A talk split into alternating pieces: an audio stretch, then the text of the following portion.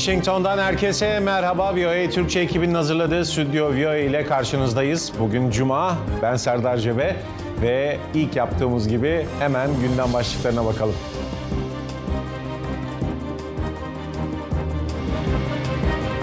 Temsilciler Meclisi Cumhuriyetçileri Afganistan'dan çekilme süreciyle ilgili Dışişleri Bakanı Blinken'ı suçluyor.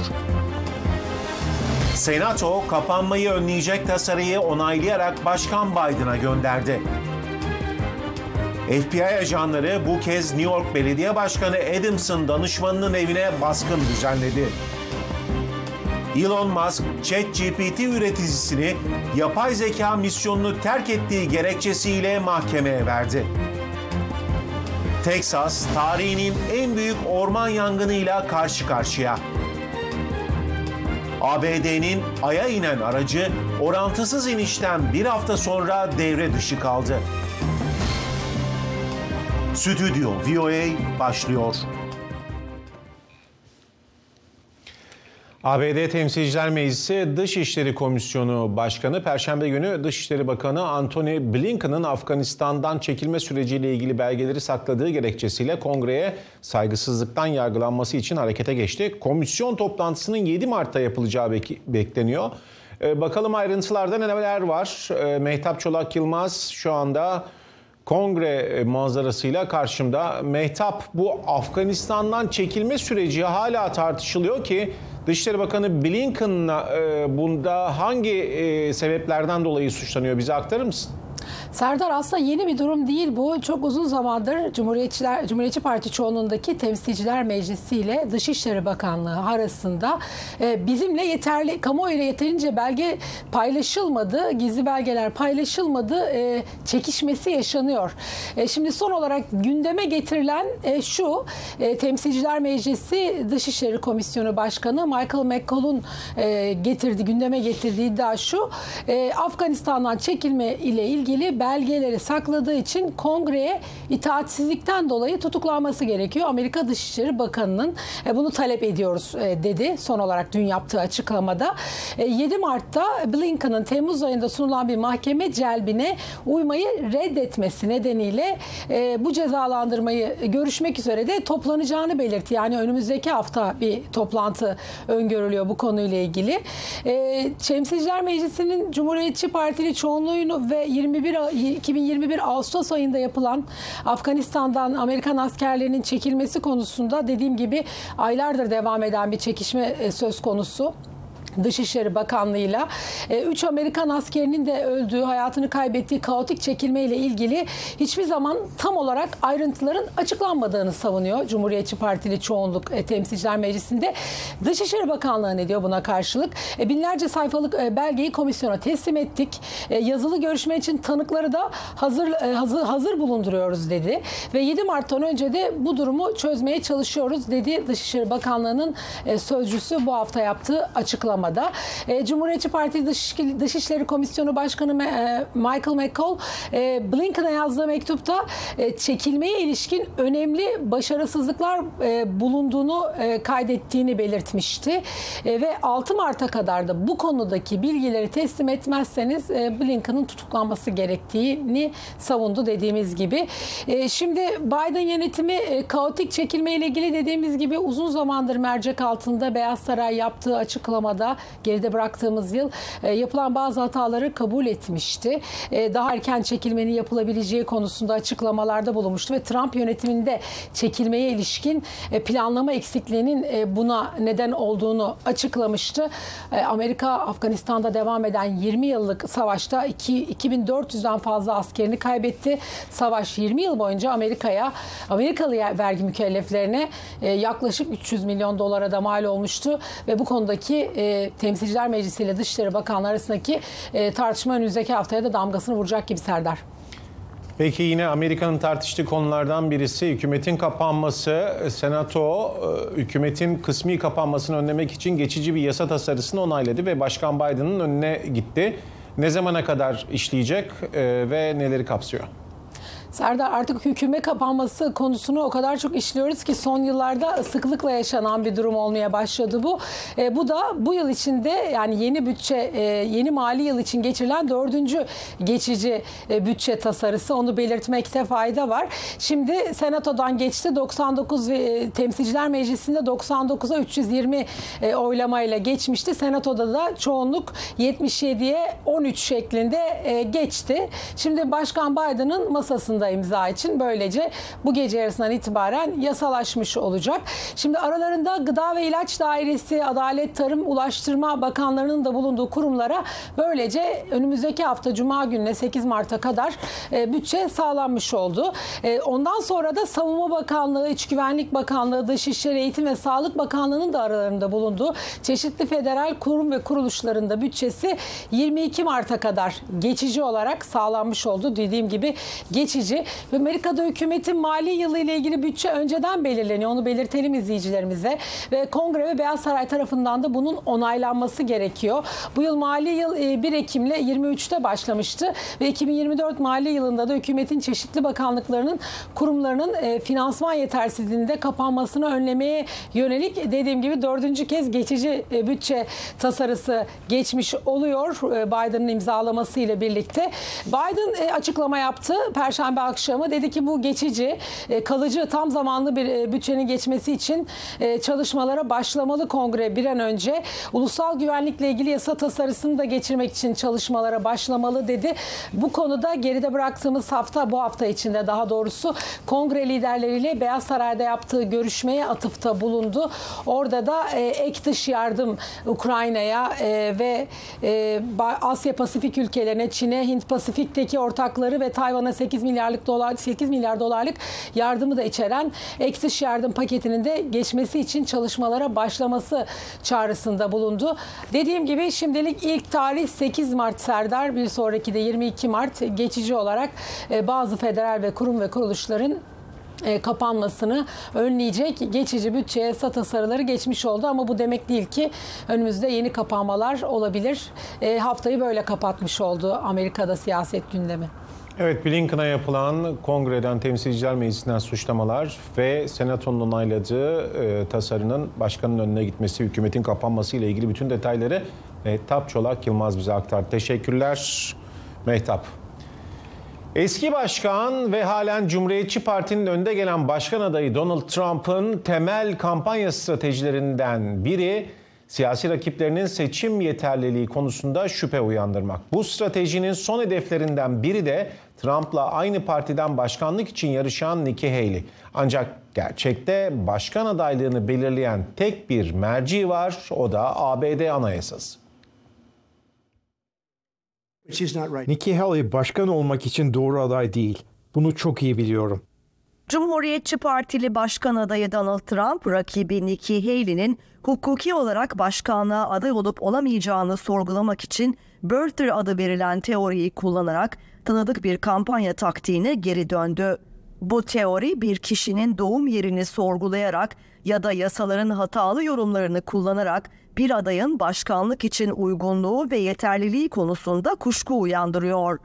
Trump geçen ay Haley doğduğunda Hintli anne ve babasının Amerikan vatandaşı olmaması nedeniyle başkanlığa uygun olmadığını iddia eden bir makaleyi yeniden paylaştı. Nikki Haley Güney Carolina eyaletinde doğdu. Uzmanlar Amerikan Anayasası'nın ülkedeki en yüksek makama kimin gelebileceği konusunda net olduğunu belirtiyor. 35 yaş ve üzeri olma şartı, doğuştan Amerikan vatandaşı olma ve 14 yıl ikamet şartı.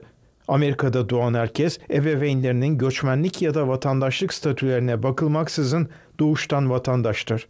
Nikki Haley, Trump'ın doğum yeriyle ilgili teorilerinin ilk hedefi değil. Demokrat Partili eski Başkan Barack Obama ve Trump'ın 2016 Cumhuriyetçi Parti başkan adaylığı için aynı partiden yarışan rakipleri Ted Cruz ve Marco Rubio da aynı gerçek dışı iddiaların hedefi olmuştu. Nerede doğduğum konusunda kendime oldukça güveniyordum. Sanırım çoğu insan da öyle. Sadece Amerika'da doğanların başkanlığa aday olabilmesinin bir nedeni var. Başkanın başka bir ülkeye sadık olabileceği ya da Amerika'nın çıkarları dışında hareket etmesine yol açacak eğilimlere sahip olabileceği gibi bir düşünce asla söz konusu olmayacaktır. Bu kural yakın zamanda da ortadan kalkmayacak. Anayasa değişikliği için kongrenin her iki kanadının üçte ikisinin oyu ve ardından eyaletlerin dörtte üçünün onayı gerekir. Anayasada yer alan doğuştan vatandaşlık şartının kaldırılması yönünde ne tabanda ne de elit düzeyde bir talep görmedim. Başkanlık için adaylığını koyan her doğuştan Amerikan vatandaşının doğum yerleriyle ilgili teorilere karşı çıkma seçeneği var. Bu iddialara doğum belgenizi göstererek yanıt verebilirsiniz ve doğum teorilerinin de bir tür ırkçılık ve yabancı düşmanlığına dayandığını, bu durumun Amerikan siyasetinde sürekli yaşandığını savunabilirsiniz. Gerçekte Amerikan başkanlığına uygun bir aday olan Nikki Haley hem doğum yeri teorileri hem de Trump'ın Hintçe Nimarata olan adıyla alay etmesini ciddiye almıyor. Orada oturup bu iddiaların kişisel olup olmadığı ya da ne demek istendiği umurumda değil. Ancak siyasi mücadeleler daha da kızışırken uzmanlar seçmenleri doğum yeriyle ilgili teorilere ve başkanlık seçimleriyle ilgili diğer yanlış bilgilere karşı çıkmaya teşvik ediyor. Bunun için de Amerikan Anayasası hakkında bilgi edinerek ve önlerine gelen tartışmalı iddiaların doğruluğunu kontrol ederek Kasım ayında sandık başına gittiklerinde bilinçli tercihler yapmalarını öneriyor.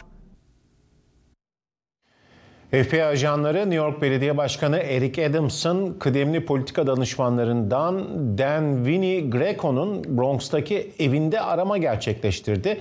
FBI devam eden soruşturmalar hakkında genellikle bilgi vermiyor. Greco'nun evindeki bu arama hakkında da herhangi bir açıklama yapılmadı. Şöyle bir hatırlarsak belediye başkanı Adams Türkiye bağlantıları dolayısıyla da bir soruşturmanın altında acaba bir bağlantı var mı diye akıllara soru işareti geliyor. Hemen New York'a Mehmet Sümer'e gidelim. Mehmet baskının nedeni belli oldu mu?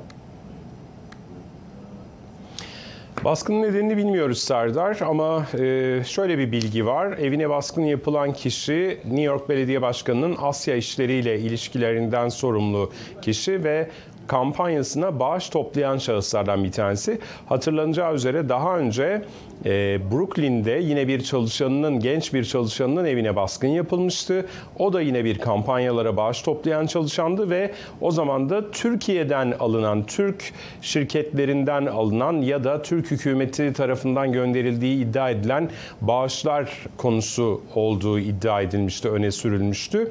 Ama tabii dediğimiz gibi FBI devam eden soruşturmalar konusunda net bir açıklama yapmadığı için bu baskının da o soruşturmayla yani Türk vatandaşlarından alınan bağışlarla alakası var mı yok mu onun devamı niteliğinde bir soruşturma mı şu aşamada onu bilmiyoruz. Ama New York Belediyesi'nden bir açıklama geldi. Sözcü bir açıklama yaptı. Yönetimimiz her zaman yasalara uyacaktır ve tüm çalışanlarımızdan her zaman en katı etik kurallara uymalarını bekliyoruz. Defalarca da söylediğimiz gibi incelenmekte olan konular hakkında yorum yapmıyoruz. Ancak yapılmakta olan her türlü incelemeyle tam bir işbirliği içinde olacağız dedi. Daha önce Eric Adams da belediye başkanı da benzer bir açıklama yapmıştı. FBI ajanlarının yürüttükleri soruşturma ile ilgili olarak tam bir işbirliği içerisinde olunacağı mesajını vermiş ve belediye çalışanlarına da ellerindeki her türlü veriyi, bilgiyi paylaşmalarını söylemişti. Hatta Eric Adams'ın telefonu, tablet, bilgisayarı gibi elektronik cihazlarına da FBI geçici bir süre el koymuştu. Eric Adams da bunları kendisinin teslim ettiğini söylemişti. Dediğimiz gibi bu soruşturmanın, bu defa yapılan FBI baskınının Türk bağış, Türkiye'den yapılan bağışlarla alakalı olarak yapılan baskınla bir bağlantısı var mı yok mu şu aşamada bilmiyoruz. Çünkü henüz Eric Adams'a yönelik açılmış bir dava ya da New York Belediyesi'ne yönelik açılmış bir e, dava söz konusu ya da bir suçlama söz konusu değil. Eğer bu soruşturmalar neticesinde bir dava açılırsa New York Belediyesi'ne ya da Başkan Eric Adams'a yönelik olarak o zaman biz de detayları tüm e, detaylarıyla birlikte öğrenmiş olacağız. Ekonomi alanında bugün aslında konuşulan konulardan biri Elon Musk'ın e, ChatGPT üreticisi OpenAI ve CEO'su Sam Altman'a açtığı dava var. Girişimin kar amaçlı değil de işte insanlığın evet. yararına yapay zeka geliştirme misyonunu terk ettiğini iddia ediyor. Aynı zamanda e, piyasaları bu hafta kapatırken ekonomideki son gelişmeler neler diye soralım sana. Hatırlanacağı üzere Elon Musk daha önce de yapay zekanın insanlığın yararına kullanılması, kontrol altında olmasıyla ilgili çağrılarda e, bulunmuştu Serdar.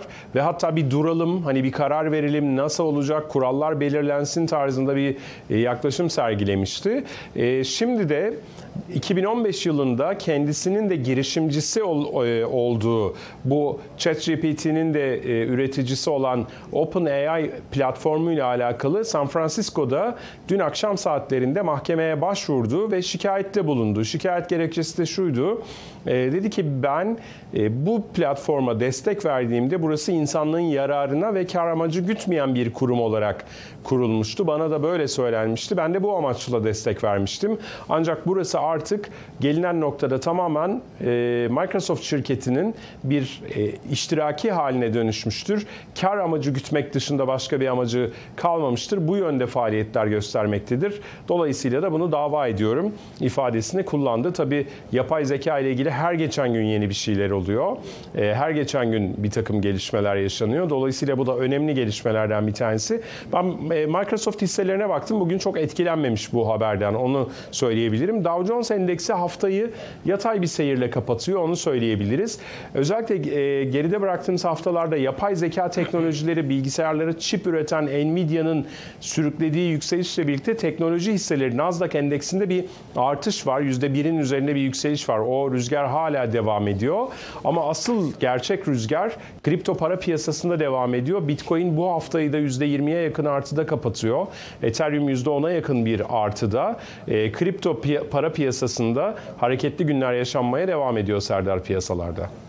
Hem piyasaları hem belediye başkanı, New York Belediye Başkanı Adams'ın e, danışmanına yapılan baskınla ilgili tüm detayları Mehmet Sümer New York'tan bize aktardı. Teşekkürler Mehmet.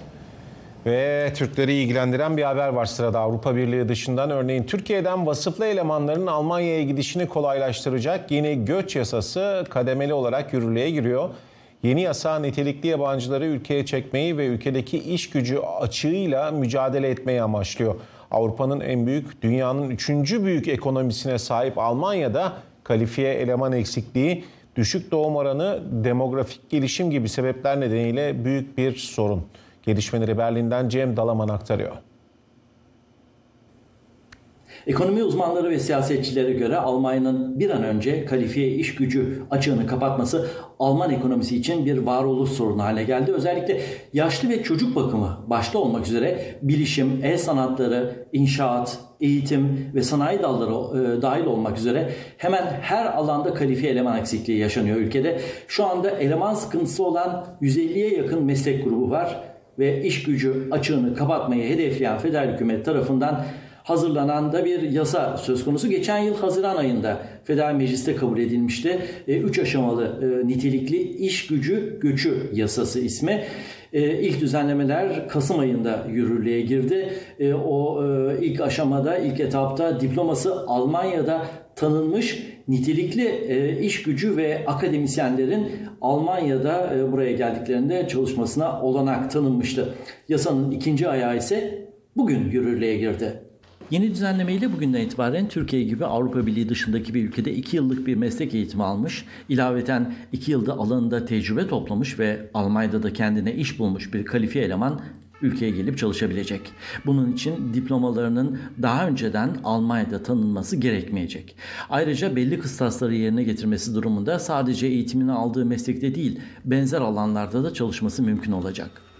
Meslek eğitimi gören ya da üniversitede okuyan kişilerin öğrenim sürecinde çalışarak para kazanması ve eğitimlerini tamamladıktan sonra ülkede kalmaları da yeni düzenlemeyle daha kolay hale getiriliyor. Meslek eğitimindeki zorunlu staj dönemi için yapılan başvurularda Alman ya da Avrupa Birliği vatandaşlarına öncelik tanınması uygulaması da kaldırılıyor. Almanya'da iltica başvurusu kabul edilmemiş ancak çeşitli nedenlerden sınır dışı edilmeyen kişiler de geçimlerini sağlayabildiklerini kanıtlayabilmeleri durumunda meslek eğitimi için oturma izni alabilecekler. Yeni düzenlemeyle hemşirelerin yanı sıra hasta bakıcıların da Almanya'ya gelmesi ve çalışması kolaylaştırılıyor. Eleman ile işveren arasında imzalanacak bir sözleşme ile örneğin Türkiye'de hasta bakıcılık alanında alınan diplomanın tanınma sürecinde yani tanınma tamamlanmadan da kişinin çalışmaya başlaması mümkün olacak. Yasanın önümüzdeki 1 Haziran'da yürürlüğe girecek 3. ve son aşaması belki de en önemli bölümü olacak. Çünkü o tarihten itibaren Avrupa Birliği haricindeki Türkiye gibi 3. ülkelerden kişilerin Almanya'da iş aramak için girişini puanlama sistemine dayayan fırsat kartı sistemi başlayacak. Fırsat kartı mümkün olacak. Ee, yeni düzenleme bir meslek veya yüksek okul diploması olan Almanca ön bilgisi bulunan mesleki tecrübeye sahip tercih anda Almanya ile bir bağı olan ve belirli bir yaşa geçmemiş de olan kişilerin e, söz konusu fırsat e, kartını alarak Almanya'ya gelmesini kolaylaştıracak. Bilgisayar ve enformasyon teknolojileri alanında çalışan nitelikli iş gücünün e, belli özel, özellikleri taşıması durumunda yüksek okul diploması bile aranmayacak. Yeni uygulamayla bu kişiler yüksek okul yani üniversite diploması olmadan da Almanya'ya gelip çalışabilecekler. Fransa'ya geçelim. Fransa'da çiftçilerin protestoları devam ediyor. Fransız hükümetinin kabul ettiği çok sayıda tedbir ve yatıştırma jesti çiftçi eylemlerini sonlandırmak için yeterli olmadı. Kırsal Koordinasyon Üyesi çiftçiler Paris'te özellikle Şanzelize Caddesi'nin başlangıcında bir eylem yaptılar. Saman balyaları ve traktörlerle trafiği kapatmaya çalıştılar. Eyleme polis müdahale etti ve 66 kişiyi gözaltına aldı. Haftalardır tüm Avrupa'yı sarsan çiftçilerin protesto eylemleri Fransa'da devam ediyor. Başkent Paris'te düzenlenen Uluslararası Tarım Fuarı'na katılan çiftçilerden yaklaşık 150'si bu sabah Paris'in sembol mekanları Arc de Triomphe ve Versailles Sarayı'nda protesto gösterileri düzenledi. Fransa'nın en büyük ikinci çiftçi sendikası Kırsal Koordinasyon Üyesi çiftçiler Paris'te Şanzelize Caddesi'nin başlangıcındaki Zafer Takı çevresinde saman balyaları ve traktörlerle trafiği kapattı. Barışçıl eylem yapma haklarını kullandıklarını dile getiren Kırsal Koordinasyon Üyesi çiftçiler %45'i mali sıkıntı içindeki çiftlikleri kurtarmak için eylemlerin Paris'te birleşmesi çağrısı yaptı. Çiftçiler her iki günde bir çiftçinin intihar ettiği ülkede uygulanan tarım politikalarını eleştirerek ölen çiftçilerin anısına Arc de Triomphe'a çelenk koydu. Olay yerine gelen polis trafiği aksatan çiftçilere müdahale ederek 66 kişiyi gözaltına aldı. Saatler sabah 8'i gösterdiğinde çiftçiler alandan uzaklaştırıldı ve polis arabaları Arc de Triomphe'un etrafından güvenlik çemberi oluşturdu. Paris Belediyesi çalışanları geride kalan saman balyalarını temizlerken çiftçiler de traktörleriyle bu sefer ülkenin en büyük sembollerinden Versailles Sarayı'nın yolunu tuttu. 20 kadar traktörü sarayın girişine park eden çiftçiler Fransız İmparatorluğu'nun sembolü Versailles Sarayı önündeki eylemlerini insanları öfkelendirmek için değil güçlü bir mesaj vermek için yaptıklarını söyledi. Eylemlerin başından beri dile getirdikleri talepleri yineleyen çiftçiler kendilerine üretim yasağı getirilen ürünlerin ithal edilmesi, haksız rekabet, mesleği zorlaştıran çevre standartları ve hükümetin taahhüt ettiği uygulamaların bir kararname olarak yazılı biçimde kendilerine sunulmasını istedi. Ülkenin en büyük çiftçi federasyonu FNSUA'dan 1991'de yaşanan ayrılık nedeniyle kopan kırsal koordinasyon, serbest ticaret anlaşmalarını sert eleştiren ve güçlü eylemlerle sesini duyuran aşırı sağa yakın bir sendika olarak biliniyor. Sendika üyesi çiftçiler sabah gözaltına alınan 66 arkadaşı bırakılana kadar Versailles Sarayı önünde kamp kurmaya devam edeceklerini ve geceyi sarayın önünde geçireceklerini kaydetti. Arzu Çakır, Paris. Texas'ın Panhandle bölgesinde devam eden ve Smokehouse Creek yangını olarak adlandırılan orman yangını bu hafta başından bu yana iki kat büyüdü ve Rhode Island eyaleti yani New York'taki Rhode Island eyaletinden daha büyük bir alanı küle çevirdi. Teksas'ta meydana gelen orman yangınlarında itfaiye ekipleri 1 milyon dönümden fazla alanın yanmasına yol açan ve Panhandle'daki yerleşim birimlerini etkisi altına alan yangını söndürmek için mücadele veriyor. Texas Orman Servisi'ne göre Smokehouse Creek yangını olarak adlandırılan yangının boyutu çarşamba gününden bu yana iki katına çıktı ve perşembe sabahı ancak %3 oranında kontrol altına alındı. İtfaiyeciler son günlerde az nüfuslu bölgeyi kasıp kavuran şiddetli rüzgarlardaki kısa süreli durgunluktan yararlanarak bariyerler kurdu ve devrilmiş ağaçlarla sık otlardan oluşan sıcak noktaları söndürdü. Ulusal Hava Durumu Servisi yetkilileri perşembe günü bölgeye düşen yağmur ve karın yangının hızını yavaşlattığını açıklasa da hafta sonu 65 kilometre hıza ulaşması beklenen rüzgarlarla etkisini artırabileceğini söyledi. Smokehouse Creek yangını şu anda Rhode Island eyaletinden daha büyük bir alanı etkilemiş durumda. Bu alan 2006 yılında çıkan ve yaklaşık 900 bin dönümlük bir alanı kül eden yangının yerini alarak eyalet tarihinin en büyük yangını oldu. Yanan bölgelerin ya da tahliye edilen kişilerin sayısı henüz belli değil. Ancak düzinelerce ev yerle bir oldu. Teksas Orman Servisi'ne göre yangında en az bir kişi hayatını kaybetti. Bu arada orman yangınından kaynaklanan zararlar nedeniyle açılabilecek olası davalar konusunda da federal ve eyalet yetkililerinin şimdiden incelemelere başladığı belirtiliyor. Açılacak davalardan en çok enerji şirketlerinin etkilenmesi bekleniyor. Amerika'nın yarım yüzyıldan sonra Ay'a inen ilk aracı, uzay aracı olan Odysseus, Perşembe günü soğuk bir ay gecesine girerken güç kaybetti ve devre dışı kaldı. Yani araç kapandı. Araç operasyonları ve bilimsel çıktılarını engelleyen orantısız bir inişten sonra e, görevini sonlandırmış oldu. NASA'nın Odyssey's'ı inşa etmek ve uçurmak için 118 milyon dolar ödediği Texas merkezli havacılık şirketi Intuitive Machines, yer kontrol ekibinin uzay aracından Ay'ın güney kutup bölgesinde karanlığa gömülmeden önce son bir veda iletisi aldığını bildirdi. Intuitive mühendisleri Ay aracına iyi geceler Odi senden tekrar haber almayı umuyoruz mesajını iletti. Günün erken saatlerinde Intuitive ekiplerinin Odyssey'sı uzay aracı 3 hafta içinde iniş alanı üzerinde bir sonraki güneşin doğuşuyla yeniden uyanmak için yeterli güneş enerjisi aldığında şirketin yer kontrol merkezi Houston'a yani eve telefon edecek şekilde programlayacağını söyledi. Şirket daha önce Odyssey's'ın aydaki 6. tam gününden hemen sonra güneşin ay ufkunda alçalması ve güneş enerjisi yenilenmesinin yetersiz kalması nedeniyle pil gücünün tükeneceği haberini vermişti. Bu arada Intuitive'in hisseleri de görev süresince neredeyse 3 katına çıktı ve ardından sert dalgalanmalarla düştü. Hisseler fırlatmadan hemen öncesine göre yaklaşık %20 artarak şirkete yaklaşık 600 milyon dolarlık bir piyasa değeri kazandırmıştı.